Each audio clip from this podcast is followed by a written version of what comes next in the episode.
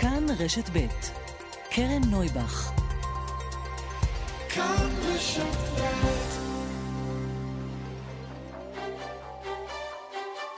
סדר יום עם קרן נויבך, תוכנית אקטואליה אחרת.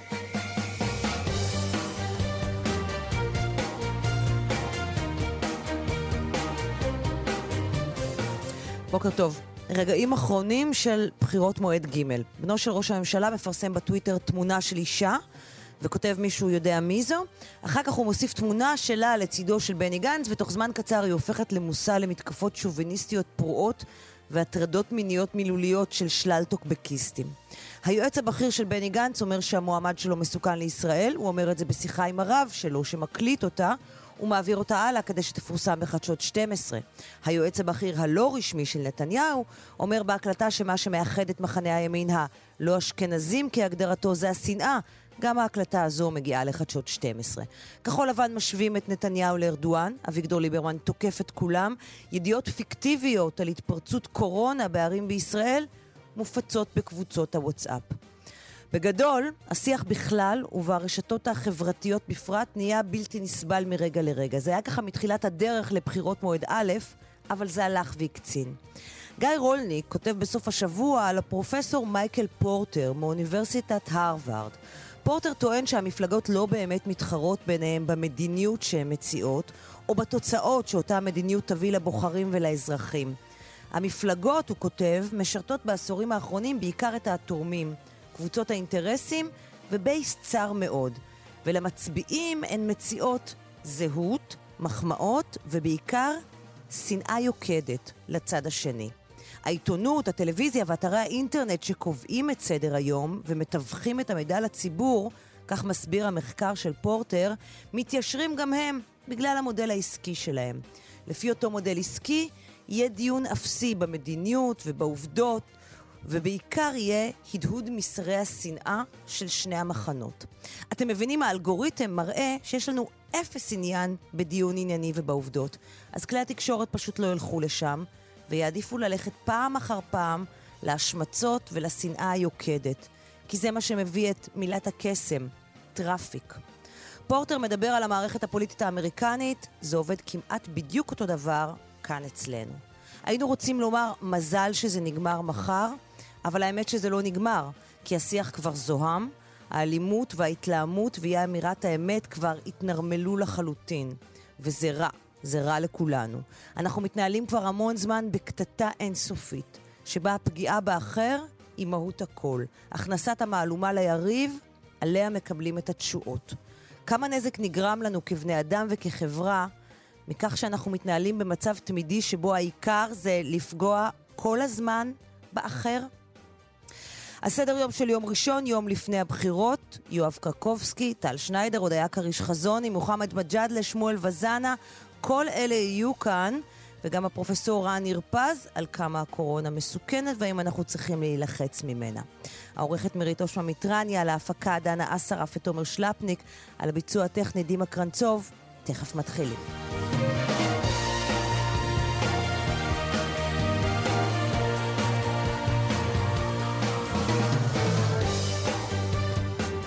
אבל לפני הכל, אנחנו אה, לרצח אה, האישה בטייבה, אה, הבוקר, אנחנו אומרים שלום אה, להדס גרינברג, שלום הדס.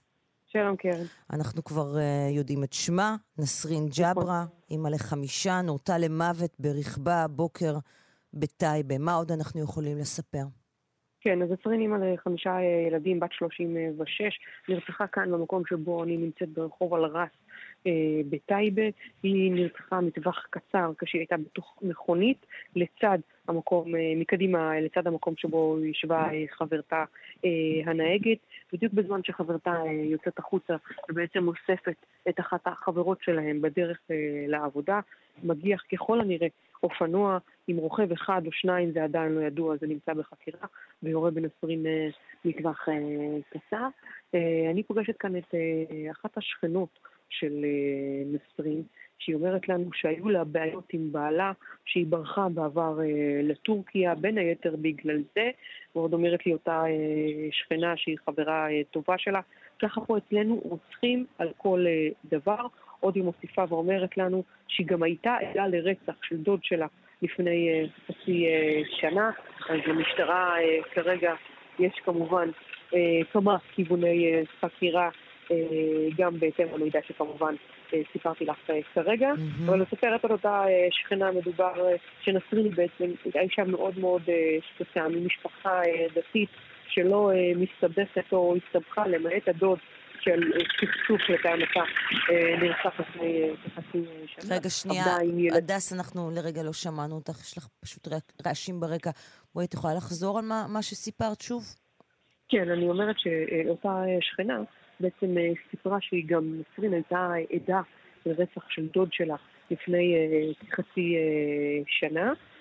אז זה בעצם עוד כמובן כיוון חקירה שיש למשפחה בנוגע לנסיבות הרצח הזה, ומבחינת אה, אה, לתאר את אה, נסרין, אז אותה שכנה מספרת לנו שמדובר באישה מקסימה, ממשפחה מאוד שקטה, משפחה אה, דתית שלא הסתבכה, למעט אותו סיפור של הדוד לפני אה, חצי שנה, שבעקבות סכסוך לטענתם אה, נרצח. היא עבדה בגני ילדים, יש לה כאן אה, שלושה גני ילדים, mm-hmm. וזה בעצם העדות שאני שומעת כאן מהמקום. עדיין יש כאן שוטרים שמטפלים כמובן בזירה.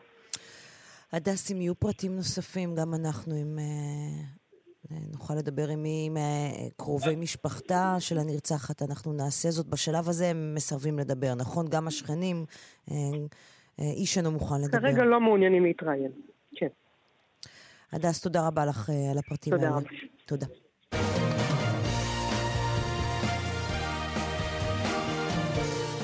עשר ושתים עשרה דקות כאן אה, בסדר יום. שלום לדקלה אהרון שפרן, כתבתנו לענייני בריאות. בוקר טוב, קרן. והנה יום לפני הבחירות, אה, אנחנו אה, פותחים כמובן קודם כל עם הרצח המחריד, המזעזע הזה, הנוסף, רצח של אישה נוספת בטייבה, ואחרי זה קורונה. אפילו לא עם הבחירות, עד כדי כך החדשות האלה משמעותיות. תני לנו תמונת מצב, כמה מבודדים יש היום בעצם, אנשים שנמצא, שצריכים להישאר בבידוד בישראל, כמה חולים ולאן זה הולך? תשמעי, במהלך סוף השבוע דובר על 4,500 מבודדים, אני מעריכה שמדובר כבר ביותר מכך. אנחנו מדברים בכל מקרה על כמה אלפים, אה, כמה, כמה אלפי בני אדם שנמצאים אה, בבידוד. אה, ואנחנו יודעים על שבעה מקרים של נשאות לנגיף בישראל. זה אומר שבמהלך יום שישי שמענו על שני מקרים נוספים של גברים שחזרו מאיטליה בשתי טיסות נפרדות, שניהם מצפון הארץ, מיישובים שונים. ובדיקות שנעשו העלו שהם נשאים של הנגיף והם אה, הועברו לבידוד. בעצם אנחנו מדברים עד היום על שבעה מקרים שאנחנו יודעים אה, שהיו בהם, אה, שהייתה בהם נשאות לנגיף בישראל. השניים הראשונים כמובן הם השניים שהיו ביפן על ספינת הדיימונד פרינסס וחזרו לארץ לבידוד בשיבא, בשיבא. החולה השלישי זה אותו אדם, תושב השפלה, שחזר מאיטליה ונמצא בבידוד. והנשאית הרביעית היא רעייתו, שזה בעצם המקרה הראשון, אני חושבת, בארץ שאנחנו יכולים להגיד שאנחנו יודעים עליו שהוא לא אה, יבוא במרכאות של הנגיף, אלא מקרים ש... במקרה של הדבקה ממש אה, כאן בארץ. הראייה היא מקרה של הדבקה. הראייה נדבקת מאותו אדם. את מדברת על, על, אה, על האיש שהיה בחנות הפיראט האדום. בדיוק, הבן okay. אדם אוקיי. שבעצם לא מסר את הדיווח בהתחלה, של, בהתחלה כן. הוא דיבר על כמה שעות בודדות שבהם הוא היה שם בחנות, לאחר מכן הסתבר שהוא היה שם שלושה ימים במשך mm-hmm. כמעט כל שעות היום. Mm-hmm. והחולה החמישי הוא שמעון דהן, שחזר מיפן ביום שישי, היה שם, את יודעת, מנמל התעופה בן גוריון, ואז לאחר שהגיע לביתו, הסתבר שהוא כן נשא של הנגיף, למרות שבטוקיו בבית החולים חשבו שהוא לא, ובעצם הוא נכנס שוב לבידוד. אני חייבת לציין, כן, שבאמת רוב האנשים ש...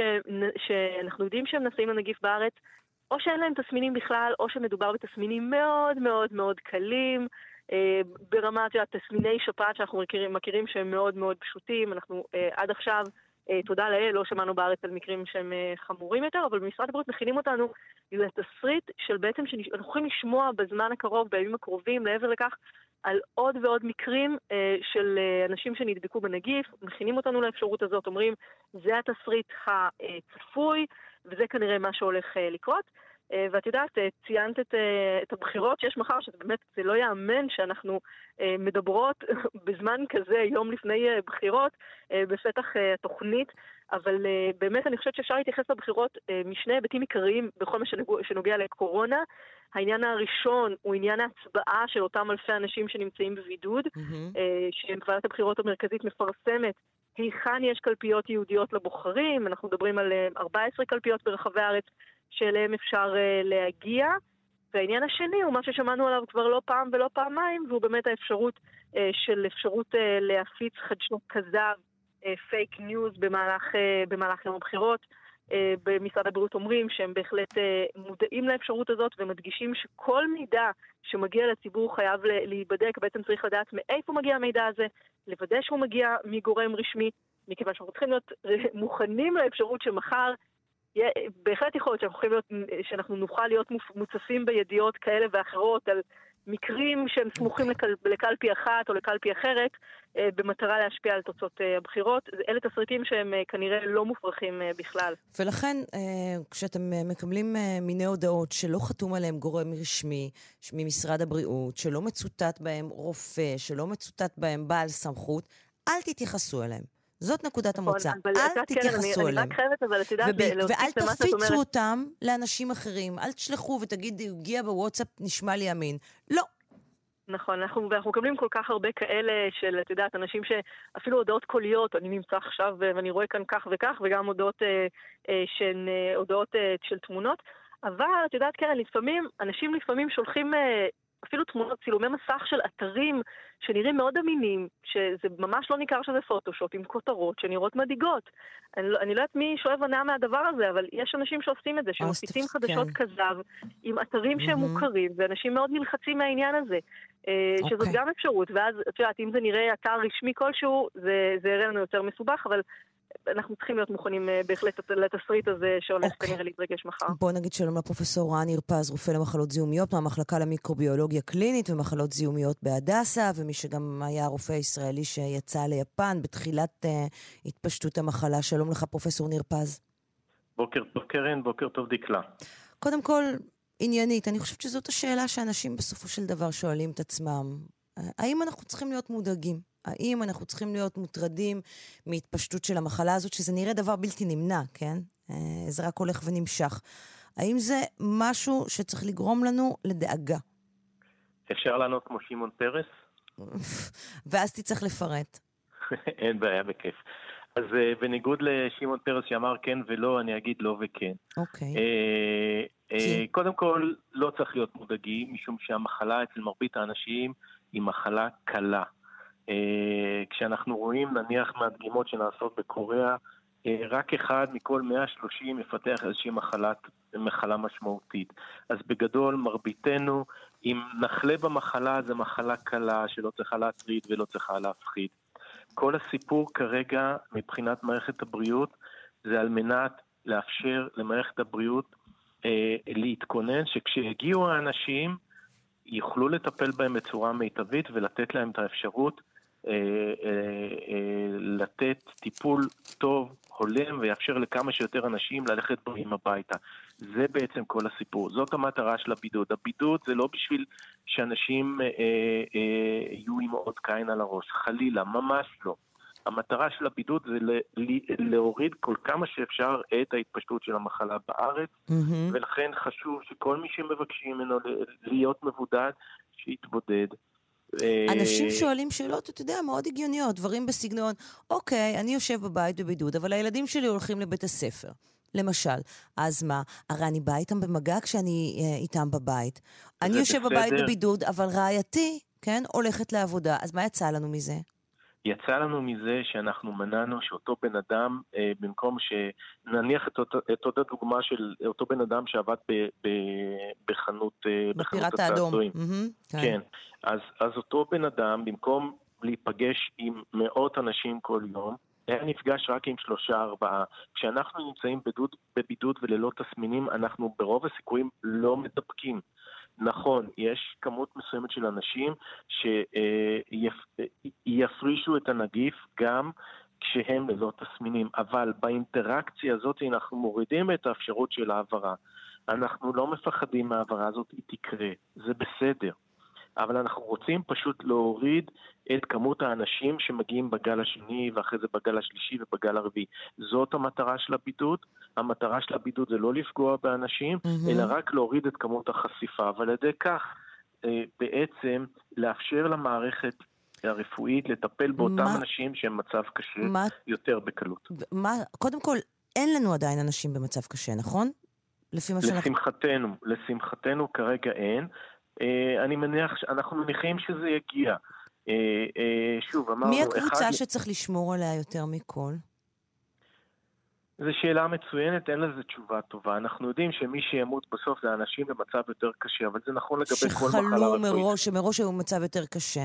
זאת אומרת כן, ש... אבל, mm-hmm. כן, אבל זה נכון לגבי כל מחלה רפואית, ולכן לא נצפות, ניתן לצפות את זה לראש. אנחנו יודעים שגם אנשים עם מחלות רקע יכולים לפתח מחלה מאוד מאוד קלה. אז אנחנו לא יכולים אה, לצפות את זה, זה משחק של מספרים. סוג של לוטו כזה, שהסיכוי לזכות בו הוא 1 ל-130. 1 ל-130? סדר גודל. זה... זאת אומרת, אה, כרגע, אם אנחנו מסתכלים על המספרים של קוריאה, זה המספר, 1 ל-130. זה יכול להיות טיפה יותר נמוך, זה יכול להיות טיפה יותר גבוה.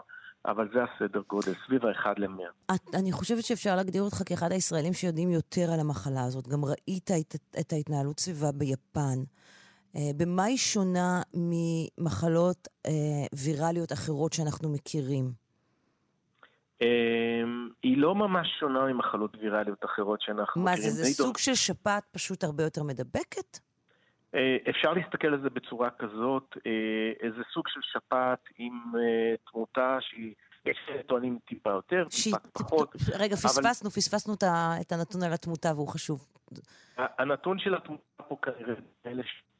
יש no, כאלה שטוענים שהוא טיפה יותר, יש כאלה שטוענים שהוא טיפה פחות, mm-hmm. אבל מה שחשוב שהמחלה הזאת כרגע יותר מדבקת משפעת.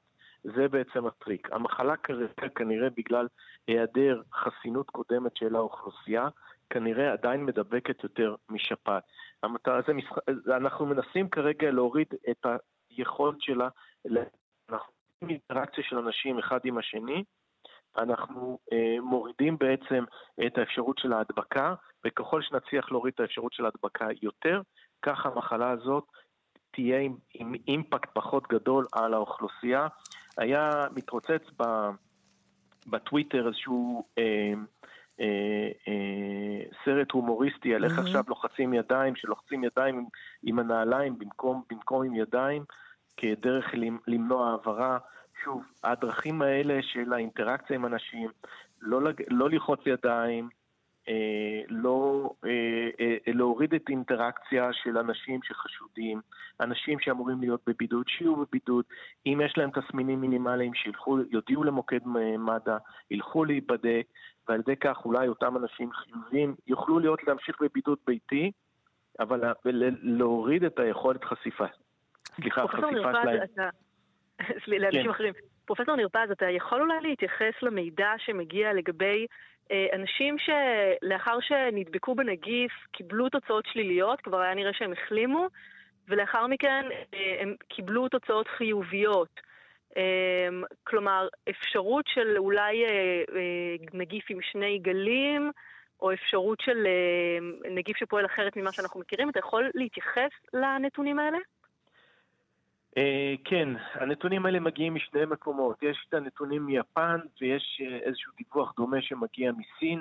אה, הנתונים ביפן כנראה קשורים לאיזשהו טריק של בדיקות מעבדה, נקרא לזה טריק, אבל יש, יש סיפור שלא כל הבדיקות מעבדה הן זהות.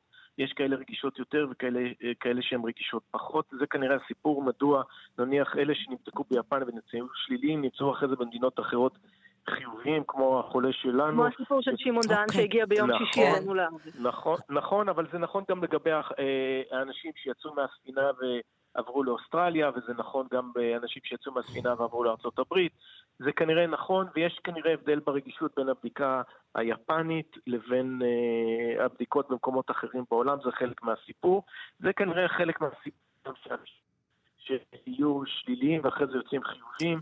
משום שיש תלות בתלות במקום שדוגמים מאותו בן אדם, אם זה מגרון, אם זה מהאף. אוקיי. אה, ברשותכם, אני רוצה לצרף לשיחה את איתי בלוך, אה, ראש קבוצה במיגל וחוקר. אתה יודע מי זה איתי? שמעת עליו, פרופסור ניר פז? שמעת על מיגל? קראתי בעיתון, אוקיי. מיגל. מיגל, נכון, אתה צודק. אה, אז איתי, שלום, בוקר טוב לך. בוקר טוב. אתם עובדים על חיסון אה, צוות מיגל שיושב בקריית שמונה, נכון? נכון. אה, עובד על חיסון, ופרסמתם בסוף השבוע שייתכן מאוד שתהיו הראשונים שימצאו את החיסון לקורונה. אה, נכון, תראי, אנחנו... תסביר, כי זה נשמע מאוד... ואם, ואם כן, אז מתי?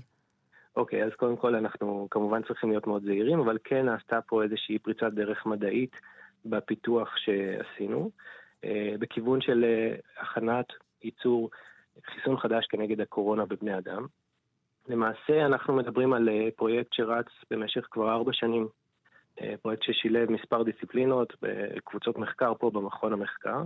אה, בעיקרו הוא היה יותר ממוקד למחלות ויראליות בעופות, למשק או לחיסונים וטרינריים, mm-hmm. ואנחנו פיתחנו גם טכנולוגיות וגם באמת מוצרים ספציפיים למחלות ויראליות שאנחנו בחרנו להתמקד בהם. אחת מה, או אחד מהווירוסים האלו הם, הוא וירוס ממשפחת הקורונה, וירוס שנקרא uh, Infectious Bronchitis Virus, זה ברונכיטיס מדבקת, mm-hmm. שפוגע, ב, שפוגע קשה בעופות, ולמעשה אנחנו פיתחנו חיסון שהוא חיסון די חדשני, שהצליח למנוע את ההידבקות במחלה הזאת בעופות. זה שם אותנו מבחינה מחקרית, מבחינת הפיתוח, בשלב די מתקדם ביחס לאנשים או גופים שמתחילים רק עכשיו את פיתוח החיסון. ומשם מגיעה האופטימיות היחסית. כמובן אומר... שגם התוצאות היו תוצאות טובות מאוד. מה זה אומר לגבי ההגעה לחיסון שיעבוד על בני אדם? תוך איזה פרק זמן? אוקיי, okay, אז באמת, אה, דבר ראשון, אנחנו, ברגע שראינו את הריצוף, את הגנום של הווירוס שפוגע בבני אדם, שהוא בן משפחה של אה, קורונה, ממשפחת הקורונה, וירוסי הקורונה, אמ, אנחנו הצלחנו לזהות את אותו אלמנט שאנחנו משתמשים בו היום מהווירוס של העופות, הצלחנו לזהות אותו בגנום של הווירוס ההומני, הווירוס שפוגע בבני אדם, ה-COVID-19. Mm-hmm. ולמעשה, במהלך די פשוט של החלפה, אנחנו יכולים להתאים את אותו חיסון לעבודה בבני אדם, הוא עובד במנגנון מאוד דומה, עובר דרך המערכת המוקוזלית, המערכת של הנשימה ולמעשה בצורה דומה לאופן ההדבקה של המחלה עצמה. הוא פועל, בניגוד ו... לחיסונים אחרים. ואני שואלת שוב, פרקטית, מה, מה צריך לעשות עכשיו כדי שתוך כמה זמן זה יוכל לעבוד אצל בני אדם? כי זה בעצם, אה, פרופסור ניר פז, נכון? זו בעצם השאלה הגדולה, כי ברגע שיהיה לנו חיסון נגד זה, זה באמת יהיה כמו עוד שפעת. אה, כן. מי צריך לענות על זה? פרופסור ניר פז תענה על השאלה העקרונית, ואז אה, אני אשמח לשמוע מאיתי על לוחות הזמנים. ברגע שיהיה לנו חיסון נגד זה, זה באמת יהיה כמו עוד שפעת, נכון? אה, נכון, ברגע שיהיה חיסון או שתהיה תרופה, אה, אז היכולת להתמודד עם המחלה תהיה הרבה יותר טובה. יש... יש כמה חברות שנמצאות כרגע בשלבים כאלה וניצלו את המגפה הזאת אה, לערוך ניסויים קליניים כרגע בסין וביפן ממה ששמעת על הפרויקט של מיגל, על הפרויקט הישראלי, איך זה נשמע לך? מבטיח? נשמע אחלה, אני מקווה שיצליח גם. אה, תמיד כשאתה עובר מהמעבדה לחיים האמיתיים, המצב יכול להיות יותר מסובך, אבל הלוואי לכולנו שבאמת הפרויקט שלהם יצליח ויקרום עור וגידים. איתי, שוב אני שואלת ברמה פרקטית, uh, מה צריך לקרות עכשיו? צריך, uh, איזה ניסויים צריכים לקרות בשביל שזה יהיה באמת, שיוכח שזה עובד ושזה יוכל לצאת לשוק? אוקיי, okay, אז באמת בשלב ראשון אנחנו בעצם מתאימים את החיסון שהיום הוא כבר ניתן בבעלי חיים. לעופות בניסויים שלנו, אז אנחנו בעצם תוך, בשבוע הקרוב למעשה החומרים צריכים להגיע לפה ואנחנו כבר מתחילים את הייצור של אותו חיסון שאמור להיות מותאם לבני אדם. אה, זה בטווח מיידי, למעשה תוך מספר שבועות עד שלושה חודשים אנחנו כבר מוכנים לניסויים של בטיחות, בניסויים קליניים בבני אדם. בבני אדם. פרה-קליניים וקליניים בבני אדם, כן. אוקיי, ואז... מדובר על תקופה די קצרה. Mm-hmm. אני מצטרף כמובן למה שאמר פרופסור ניר פז לגבי הזהירות. אנחנו מודעים ומבינים שאנחנו לא יכולים לקפוץ רחוק מדי, אה, וצריך לקחת את זה באמת בזהירות, אבל אה, אנחנו אופטימיים. בכל זאת, תן לי, חצי שנה, שנה, מתי יש לנו חיסון? זה כבר כרוך וקשור לרשויות רגולטוריות מה? ולחברות הייצור שיצטרפו בהמשך. הבנתי, מעריכה את הזהירות. ולכן זה משהו שקשה מאוד, אה, כן, זה קשה מאוד לצפות את זה. אנחנו יכולים לומר שאנחנו את, את חלקנו, לפחות החלק שהוא פה ברמה היותר בסיסית, אנחנו מצפים תוך שלושה חודשים לסיים, ואנחנו מקווים שכמה שיותר מהר זה יאושר ו... אנחנו מבטיחים, ללו... אה, כן, מבטיחים איזשהו... ללוות אתכם בעניין הזה. איתי בלוך, ראש, קבוצת, אה, ראש קבוצה במיגל, אה, חוקר, ופרופסור רן פז, רופא למחלות זיהומיות מהמחלקה למיקרוביולוגיה קלינית ומחלות זיהומיות בהדסה, ודקלה אהרון שפרן שלנו, כתבתנו לענייני בריאות. תודה רבה לשלושתכם. פרסומת, ותכף נחזור. 10.35 כאן...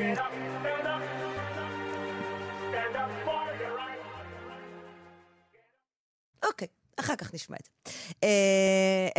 10.35 אה, כאן אה, בסדר יום. שלום לאורלי עדס, מנכ"לית ועדת הבחירות המרכזית. בוקר טוב, קרן. ביקשת לעלות. אה, ביקשת לעלות, אמרת, יש לי מסר לאנשים שיושבים בבית וצריכים להיות בבידוד בגלל הקורונה.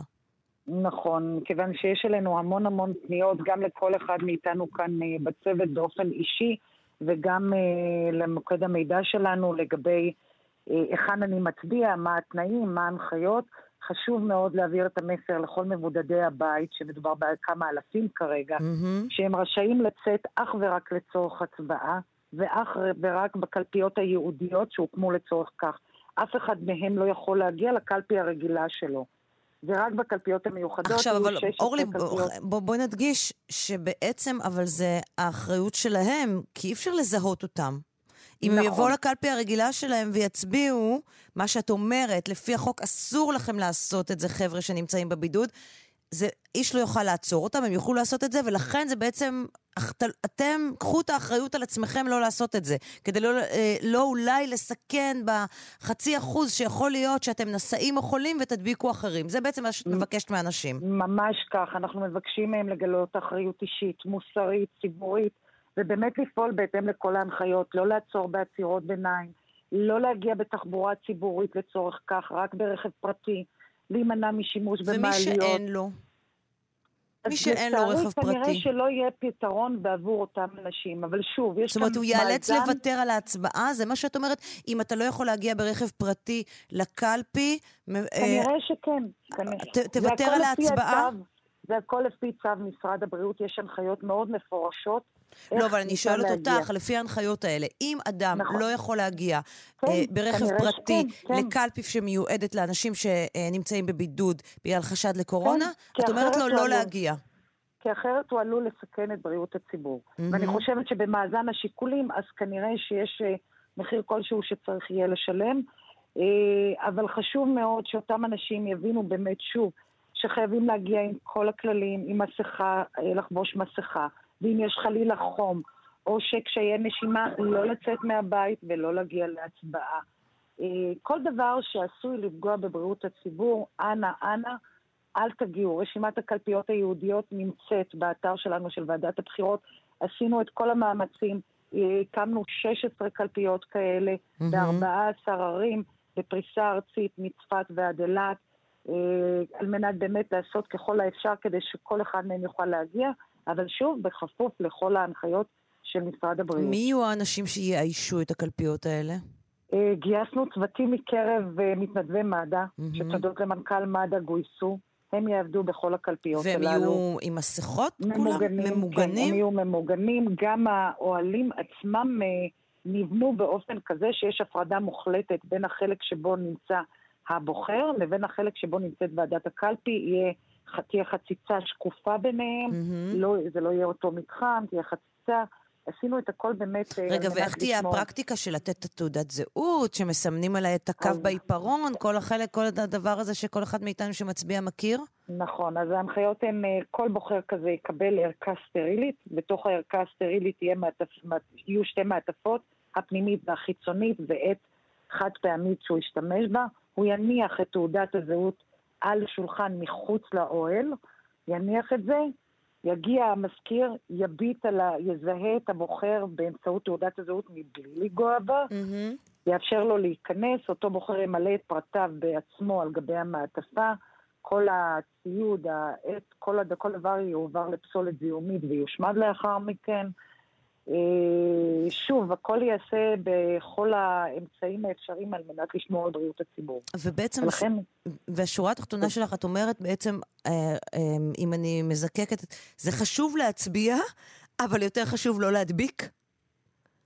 תכלס זה מה שאת אומרת? הם לא באמת נגועים, הם לא באמת נגועים, צריך לזכור. נכון, אבל יש סיכוי, נכון. אנחנו, אבל... חשוב להצביע תוך הפעלת שיקול דעת אישי, ציבורי, מוסרי, כמו שאמרתי, אם אתה חושב שאתה אולי כבר מפתח תסמינים, או שאתה לא יכול להגיע בתחבורה פרטית, אז אל תגיע. אוקיי, okay. הדברים האלה מאוד מאוד ברורים. אתם, אה, מי שרוצה לקבל מידע, יש לו מקום, אה, איזשהו אתר אינטרנט? באתר כן, האינטרנט שלכם? באתר ועדת הבחירות, mm-hmm. באתר האינטרנט, במוקד המידע הטלפוני שלנו, כוכבית 8354. ניתן יהיה לקבל אה, פרטים לגבי הקלפיות וכל יתר ההנחיות. אתם שוקלים להוסיף עוד קלפיות, או שזהו, לא יהיה יותר? אי אפשר. זהו, זה המקסימום שאפשר. זה היה יותר מורכב מלהקים את כל 10,600 הקלפיות.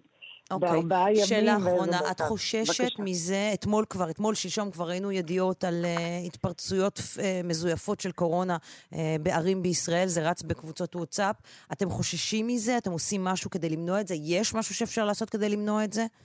אתם מתכוונים לנהל איזושהי מערך של ביקורת על העניין הזה, אם אנשים במהלך יום הבחירות מחר ינסו לשבש את מהלך הבחירות על ידי הפצת uh, שמועות שיש קורונה, נניח, סליחה, בבית שמש, חס וחלילה, נכון. חברים בבית שמש. אז uh, מה שאנחנו עושים, אנחנו מקימים כאן דסק uh, שיהיו בו נציגים גם של פרקליטות, גם של המשטרה, גם של משרד הבריאות, uh, רשות האוכלוסין וועדת הבחירות, בעיקר לנושא הזה, כך שניתן יהיה בכל נקודת זמן שיגיע אלינו מידע כלשהו, נוכל לבדוק אותו. uh, ככל האפשר במסגרת המידע שיש ברשותנו ונוכל להזין שמועות. לכן אנחנו מאוד מבקשים מהציבור להקשיב אך ורק להודעות רשמיות מטעם ועדת הבחירות המרכזית או משרד הבריאות בהקשרים הללו. קל מאוד להקשיב לכל שמועה ולהפיץ מתבקשים, לא להפיץ כל דבר ולהקשיב ולהיות אחראים להקשיב למה שוועדת הבחירות מפרסמת. אנחנו נודיע חלילה אם יש שינוי במיקום של קלפיות, אם יש אה, חלילה אירוע כזה או אחר, וגם נזין ככל הניתן שמועות לגבי אירועים אה, שצצים ברשת. אורלי אדס, מנכ"לית ועדת הבחירות המרכזית, תודה רבה, שיהיה לנו יום בחירות מוצלח תודה מחר. תודה רבה, קרן. תודה. תודה, תודה רבה. פרסומת ותכף נחזור.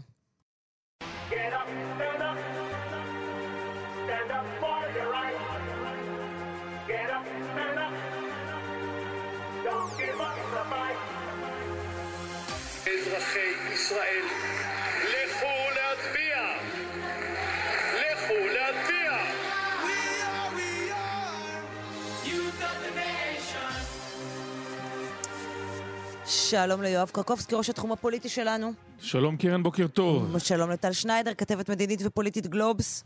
שלום, בוקר טוב. שלום למוחמד מג'אד, לעיתונאי.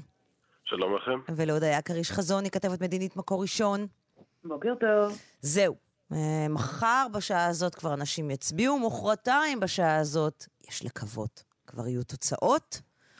ואנחנו... אבל uh, כמו שכבר למדנו בשבוע שעבר בסדרה שעשינו אצלך, כנראה שמנצח עדיין לא יהיה לנו, גם בעוד 48 שעות בשעה הזאת. אוקיי, okay, בוא נדבר על מה שקורה כאן ב-24-48 שעות האחרונות. אה, אולי זה גם קצת בגלל שהבחירות ביום שני, אנחנו בדרך כלל רגילים שיש את הראשון-שני של הישורת האחרונה, הפעם זה רק יום ראשון, הכל דחוס יותר, אינטנסיבי יותר, תסלחו לי, אה, קשה יותר לעיכול, בוטה יותר. כבר אי אפשר לשמוע אותם, זה נשים בצד, אני בספק אם אנשים מאזינים, אבל באמת ראינו רצף של uh, שלושה ימים אחרונים שלפני הבחירות, uh, שאני לא זוכרת כמותו, טל. אמ, אני זוכרת כמותו באפריל א', מבחינת הרמה של התכנים שמוצעים פה. אני חושבת שהפעם היה יותר גרוע. אמ, לא יודעת, מבחינתי... מאוד דומה.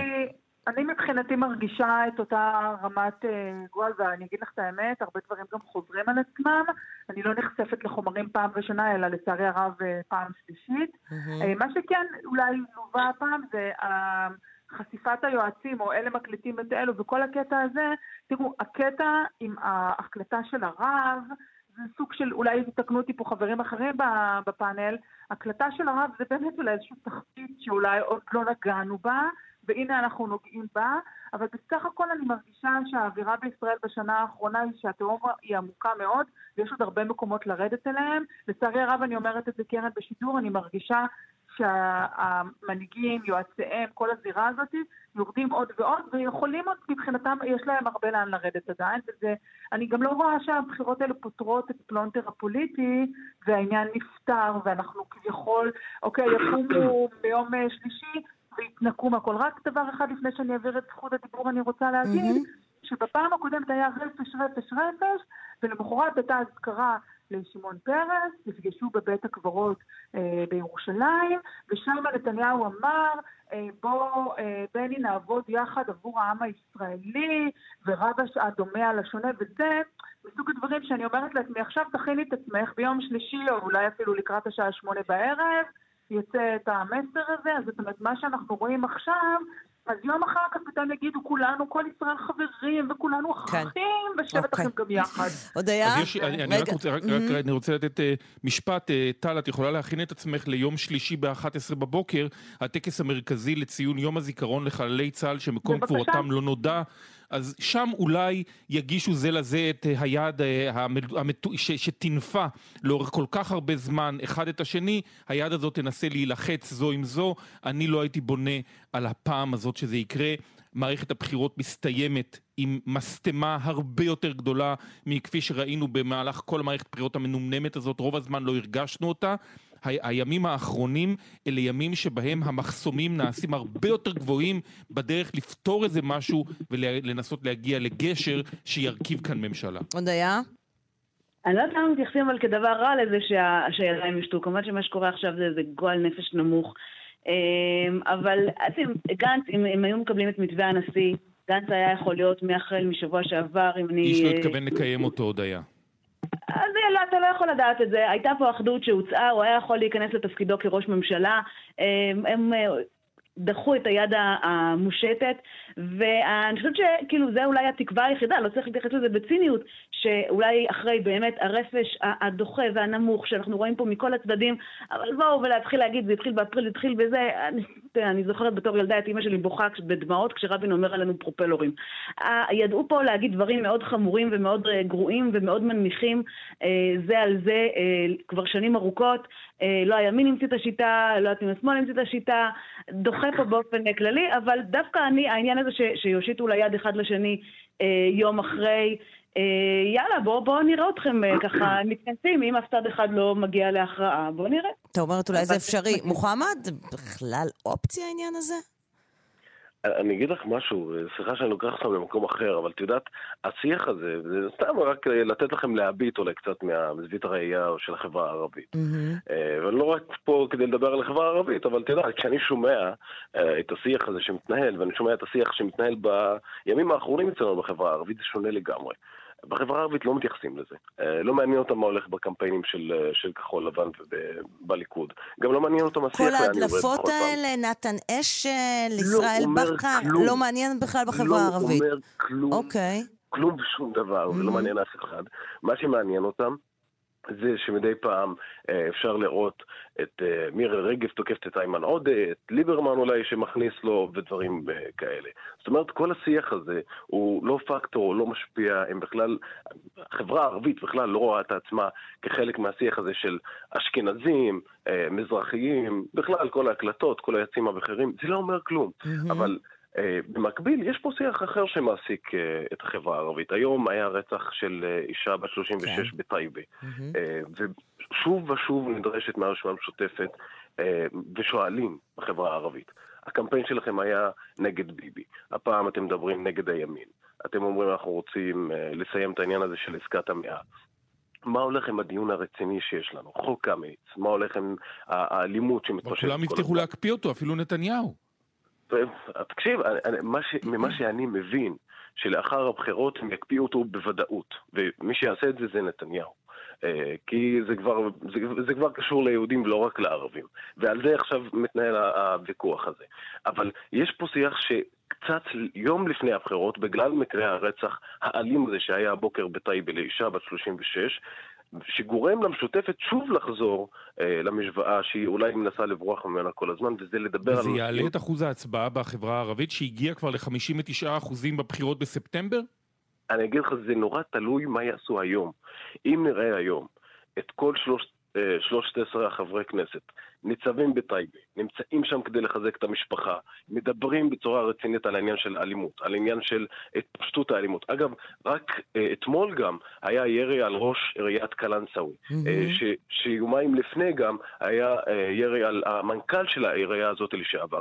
זאת אומרת, יש פה עניין של אלימות, יש פה עניין, זה מדאיג את האנשים, את החברה הערבית. זאת אומרת, זה הדבר שיותר מטריד את האנשים יותר מכל דבר אחר. נכון מאוד, וזה גורם, שוב, לשיח הזה לחזור יום אחד לפני הבחירות, שהמשותפת כבר חשבה שהיא כבר מתווה את הדרך ואת השיח כדי להגיע לקלפי. וזה מפתיע אותם. זה, זה, זה, על זה היום מדברים בחברה הערבית. וטוב, השאלה הגדולה בסופו של דבר כמובן זה אה, למה זה יגרום אה, להצביע. בשתי דקות שנשארו לנו, מי רוצה להמר? איזה שקט. למה לנו לעשות את זה, קרן? למה? אני מהמרת שלאף צד אין את ה-61. שלאף צד אין את ה-61 בסופו אני, אבל אני, אבל אני רוצה להגיד לך משהו. ואז, אה, רגע, שנייה, ואז, ואז אנחנו תקועים בדיוק באותו המקום. בדיוק. אבל ביאושי אבל הם לא, הם לא, כחול לבן לא הסתמכו על הימנעות של המשותפת כדי להקים ממשלה, אני, זה נראה לי תרחיש אפשרי לחלוטין. אני אה, בייאושי הרב בסוף השבוע שעבר אה, פניתי לאסטרולוג. לא נכון, אתה לא רציני. לא, אתה, אתה צוחק לא, עליי. לא, לא, קרן, הגיע הזמן אה, פעם אחת אה, שגם אנשים מעולם המיסטיקה ייכנסו לתוך העולם הפוליטי. אני שאלתי מה הולך להיות, אז הוא אמר תהיה הפתעה. עכשיו, מה זה הפתעה? בסדר, גם נתניהו אמר תהיה הפתעה לאריה לא. גולן היום בבוקר. אז מה ההפתעה? נו. הוא אומר, כשניסיתי לנתח איתו מה זה הפתעה, הוא אומר, כולם אומרים בחירות רביעיות, בחירות רביעיות כנראה לא יהיו.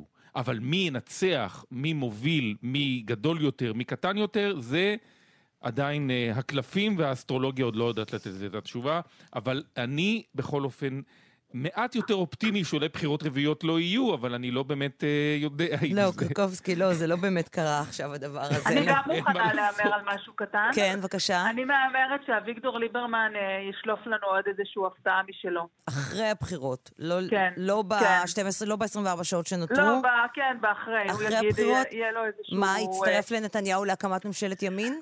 זו הפתעה אחת שהוא יכול לעשות, שכבר כתבתי אותה. הפתעה mm-hmm. אחרת שיכולה להיות, אה, הוא אולי בעצם, כמו שהודיה פה רמזה קודם, יחד עם המשותפת בהימנעות יעבירו איזושהי חקיקה אולי שתשנה את המצב, כמו חוק שאוסר על מי שיש לו אה, פתיחת משפט להרכיב, משהו כזה, לא יודעת. אוקיי, חברים יקרים, אנחנו... במשותפת לא, לא כל כך אה, בונים על הזה. לעניין הזה. נגמר לנו הזמן, אנחנו ניפגש כאן בקרוב שוב, עוד השבוע. יואב קרקובסקי, טל שניידר, מוחמד מג'אדלה והודיה כריש חזוני, תודה רבה לכם. מסיימים שעה ראשונה של סדר יום, פרסומות חדשות, ותכף חוזרים עם שעה שנייה, אל תלכו לשום מקום להתראות.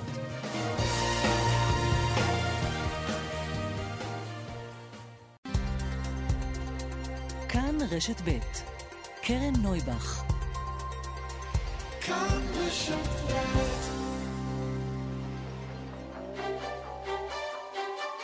סדר יום עם קרן נויבך, תוכנית אקטואליה אחרת.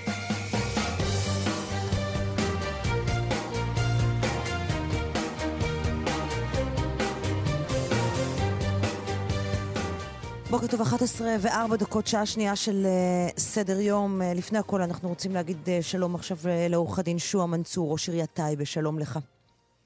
שלום לך ולכל המאזינים, כמה שאפשר שזה בוקר טוב. כן, נרצחת מעירך הבוקר, נסרין ג'בארה, אני מקווה שאני מבטאת את השם נכון, ואם לא אתה תתקן אותי. אימא לחמישה, בת 36, ישבה ברכב שלה, ונורתה. אנחנו יודעים מה קרה שם? כן, כולנו מוכים תדהימה כמוך. אה, אני הייתי בכלל בבוקר בדרכי לעבודה, ואז אני מתחיל לקבל דיווחים, מתקשר למשטרה, אומרים לה אנחנו בדרך, ואז התברר שכפי שאת אמרת, שהגברת נסרין, אה, זיכרונה לברכה, נורתה בתוך הרכב שהיא בדרכה לעבודה. אין לנו יותר מדי פרטים, אני בקשר עם המשטרה, אפילו הגופה עדיין ברכב עד עכשיו. כי... הגופה עדיין אה, ברכב. כן, כמה שעות עדיין, כבר עברו מאז? מאז אה, משהו כמו שלוש שעות וחצי, mm-hmm. אפילו קצת יותר. אתה יודע למה הגופה בודקת, עדיין ברכב? כן, כן, כן. אני גם עכשיו דיברתי עם מפקד המחוז, הם עושים את העבודה הפורנזית, כל הבדיקות שלהם. Mm-hmm. אבל uh, זה בוקר עצוב, קודם כל שבכלל שיש מקרה כזה בעיר, רצח, אלימות וכדומה, ושנית שבחורה צעירה בכלל uh, נרצחת, שלוש, עיר, העיר כבר כמה שנים אנחנו עוברים תקופה טובה של רוגע מבחינת הביטחון האישי של התושבים. ובא מקרה כזה גם שמאחר את כל האווירה החיובית שהייתה מבחינת ביטחון אישי של תושבי העיר. מצטער, אבל... אה, שכנתה של הנרצחת אה, אמרה להדס גרינברג, הכתבת שלנו, אה, היו לה בעיות עם בעלה, היא ברחה בעבר לטורקיה בגלל זה. ככה זה פה אצלנו רוצחים על כל בעיה. היא גם הייתה עדה לרצח של הדוד שלה לפני שנה, לפני חצי שנה. אתה מכיר את הרקע אני, הזה? אני, אני, אני, אני, עוד פעם, אין לי יותר מדי פרטים. Mm-hmm. אנחנו מהבוקר עסוקים כרשות לטפל בילדים, יש לך חמישה ילדים בבתי ספר, כן. הרווחה מעורבת, הפסיכולוגים מעורבים. אנחנו יותר עושים את העבודה השותפת. את הצד הזה. אם, כן, אם יש רקע או אין רקע, אני באמת לא יודע, ואם הייתי יודע, לא בטוח שהייתי גם דולה בדברים, כי זה כבר... המשטרה תצטרך לעשות את העבודה, זה יכול להיות גם לשבש את העניין של חקירה, mm-hmm. יכול להיות... אה, ולכן אנחנו נתעסק עכשיו בילדים, בנתונים שאנחנו צריכים לעשות אה, כרשות, ואני עוד פעם אומר, אה, המשטרה חייבת יותר ויותר. לא כל יום תשמעו ראש רשות במגזר הערבי שאומר רוצים להכניס עוד יותר כוחות.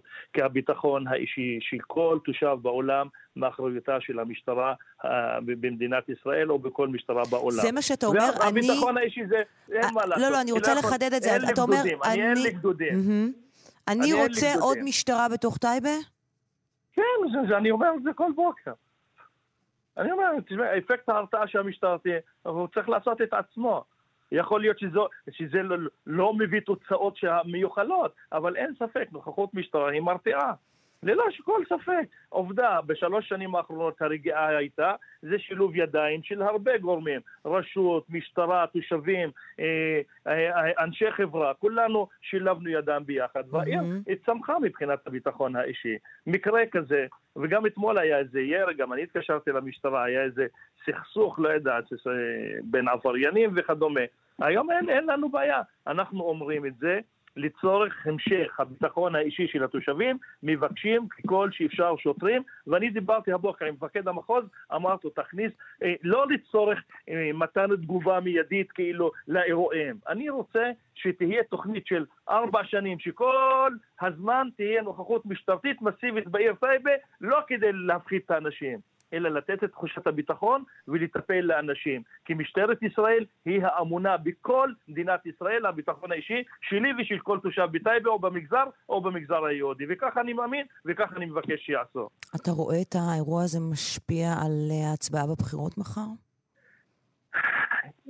תראי, אני לא, לא יודע, את האמת, אני לא, אפילו לא חשבתי על זה. לא חשבת על זה אפילו, זה הרי נושא מרכזי מבחינת... ברגע נתון כזה גם לא מעניין אף אחד. יש, יש רצח, יש אישה אימה של חמישה ילדים. את חושבת שמישהו חושב עכשיו על הבחירות? מחר אנשים יצאו להצביע. אני מניח שהאנשים יצאו להצביע, וחייבים לצאת להצביע. מי שחושב אה, בצורה, אה, קודם כל לממש את זכותו הדמוקרטית, זה א' ב'. וב' היום כבר הפכה מדינת ישראל בכלוב אה, פוליטי, שהממשלה הנוכחית הפכה את מדינת ישראל לבחירות סקטוריאליות ולא אידיאולוגיות. האשכנזים מצביעים כחול לבן, הספרדים אה, אה, לליכוד, המתנחלים למתנחלים, הרוסים לליברמן, והערבים יצביעו לערבים. זה obvious.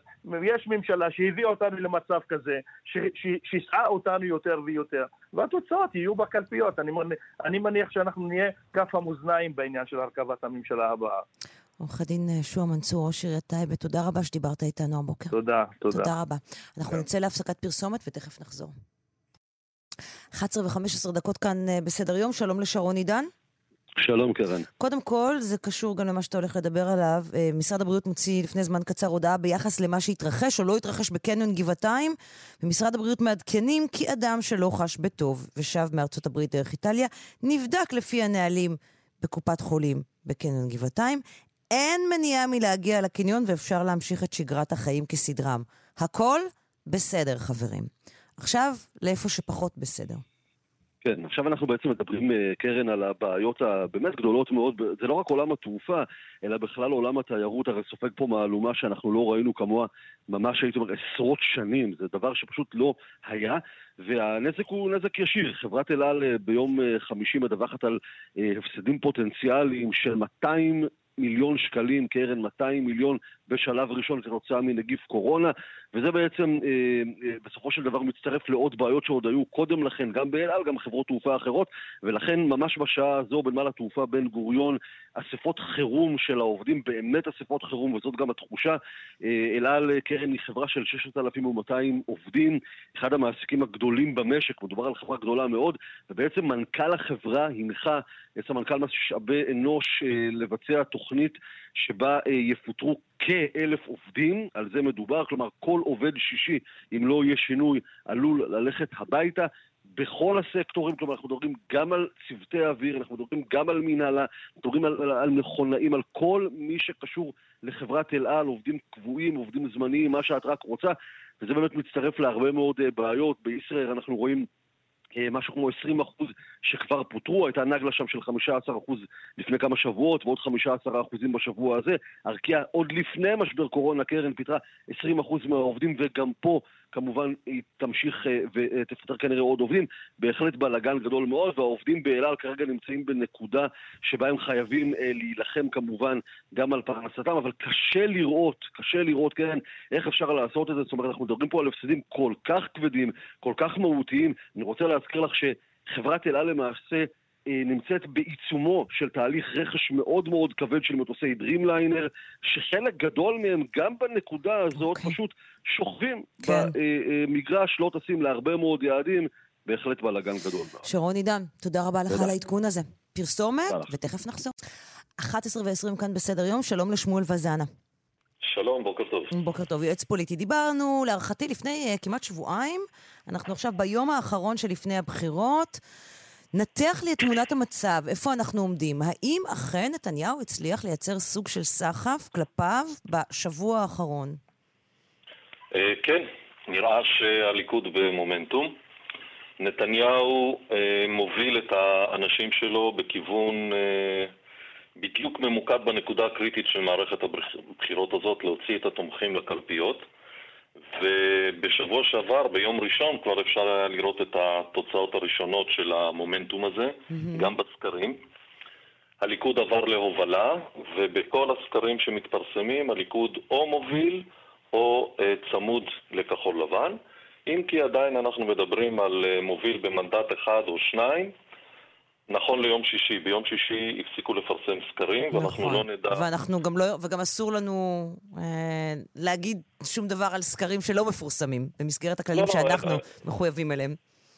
ברור, אבל בכל אופן אה, צריך לזכור, עד, אה, עד עשר בלילה מחר, הכל שמועות וספינים ודברים שהוכנו מראש על ידי מטות הבחירות. אין עוד נתונים חדשים. הנתונים... אה, הפסיקו לזרום ביום שישי. זה נכון למה שהיה ביום שישי, יתרון קטן של הליכוד. מה שחשוב במערכת בחירות זה לא כל כך היתרון הסטטי המספרי, כי אלה דברים שגם משתנים לפי אה, תנודות של הבוחרים וגם אה, סקר מנדטים שואלים את הנזכר, שואלים אותו אם הבחירות היו עכשיו, מה היית עושה? אבל מה שחשוב לראות פה זה את המגמה. והמגמה היא באופן ברור לכיוון הליכוד. כחול לבן אה, נחלשת במספר המנדטים שצופים לסקרים, אבל זה לאו דווקא המעבר של אה, מנדטים מכחול לבן לליכוד, זה כנראה לא קורה. אבל היא דולפת, אה, כחול לבן, יש דליפה של מנדטים לכיוון העבודה מרץ. מה הם יכולים לעשות בעצם, מה הם יכולים לעשות בעצם עכשיו, ב-20... עכשיו, במה זה תלוי? רק בהוצאת אנשים מהבית? מחר? אני, אני אוהב את השאלות האלה, כי גם, גם הפוליטיקאים תמיד שואלים, אבל עכשיו, עכשיו... נו, מה, אבל זאת... אה, צריך להתכונן מראש, אה, חברים. אה, מי שלא בערב שבת, אז... כלומר, מי שלא שבת. עשה עד עכשיו את מה שצריך, אתה אומר, זה כבר לא משנה. זה... זה... בעיקר מה שאפשר עכשיו לעשות ומה שמשפיע עכשיו mm-hmm. זה על האנשים שלך. אם יצאה איזושהי קלטת ביום חמישי בערב נגד צד אחד, אז היום אה, אנחנו מוצפים בסמסים עם אה, הקלטות של מישהו מהצד השני, או לאו דווקא הקלטות, ציטוטים mm-hmm. מהצד השני. ואז כל אחד, אתה מביא את האנשים שלך למצב שהם אומרים, אה, טוב, נו, הצד השני לא, לא יותר טוב. למרות שספגנו מכה, הצד השני לא נראה יותר טוב. ובסופו של דבר לא אלה הדברים שיכריעו את הבחירות. מה יכריע? אה, מה שיכריע את הבחירות האלה זה באמת מי יצליח להביא אנשים לקלפי. ובעניין הזה דיברנו גם בפעם הקודמת. Mm-hmm. יש מיליון וחצי מצביעי שמאל, וזה פחות או יותר סטטי. מצביעי השמאל נחושים יותר, יש להם מוטיבציה גבוהה, הם יבואו להצביע, והסיכויים שלא יבואו קטנים יותר. מצביעי הימין, בבחירות של העשור האחרון, הגיעו הרבה פחות להצביע. בבחירות ספטמבר הפער היה 9%, זאת אומרת 72% ממצביעי השמאל הגיעו להצביע ורק 63% ממצביעי הימין. Mm-hmm. אבל לפי מה שאנחנו רואים אה, לקראת מחר, הקמפיין הזה של אה, הליכוד שדוחף את האנשים לצאת להצביע, אה, סוגר את הפער. כנראה שהפער הזה נסגר, זה לפי נתונים משבוע שעבר. אנחנו צפויים לראות מחר אחוזי הצבעה גבוהים. אחוזי הצבעה גבוהים עובדים לטובת הימין. עובדים. בבחירות 2015 היו 72 אחוז הצבעה, והימין באמת היה לו יתרון משמעותי. Mm-hmm. בבחירות uh, ספטמבר היו 69, בואו נגיד 70 אחוז הצבעה. Uh, ומחר בעצם זה אחוזי הצבעה של הימין, האם הם יבואו להצביע, והתשובה היחידה שיש לשמאל להציע זה הצבעה במגזר הערבי. אם הצבעה במגזר הערבי תהיה באחוזים גבוהים, אה, זה יכול להיות משקל נגד לאחוזים גבוהים של אה, מצביעי ימין. עד הרגע האחרון, עד הספירות, אה, אפילו לא הסקרים של מחר, התמונה עדיין תהיה כנראה מאוד צמודה. עד לבוקר של מחרתיים. עד הבוקר יום של יום שלישי, אתה אומר. אנחנו לא נדע בעצם. אנחנו נהיה במתח גדול, כי הפערים צפויים להיות מאוד קטנים. כלומר, אם אנחנו רואים אה, מדגמים, נניח, אה, עם פערים מאוד גדולים, סביר להניח שזה לא מה שנקום איתו בבוקר בשלישי. אה, שוב, אי אפשר לדעת מכאן כרגע, אבל הפערים, אם הפערים יהיו מה שראינו בסקרים כל התקופה הזאת, מנדט או שניים לצד זה או לצד זה, זה לא, זה לא מספיק. אחוזי ההצבעה, אנחנו נדע אותם מחר עם סגירת הקלפיות. זה, זאת אינדיקציה מאוד, אה, מאוד חשובה ומאוד okay. אוקיי. טובה. וזה המצב. ואנחנו נדבר כאן ביום שלישי, וננתח את התוצאות ברשותך. אה, תודה. נשמח אה, להבין את משמעותן של התוצאות יחד איתך ביום שלישי, אחרי שכבר נהיה יותר חכמים. שמואל וזנה, יועץ פוליטי, תודה רבה שדיברת איתנו הבוקר. תודה לך. אנחנו uh, סיימנו את uh, מהדורת יום ראשון של uh, סדר יום. למה כל כך מוקדם? תשאלו, הרי השעה היא רק 11.26 ועוד 52 שניות. וזה מכיוון שמיד אחרינו יש לכם שפע של, שפע של תעמולת בחירות לכנסת ה-23, אני יודעת שזה בדיוק מה שאתם משתוקקים לשמוע עכשיו, וזה חלק מהתהליך הפוליטי.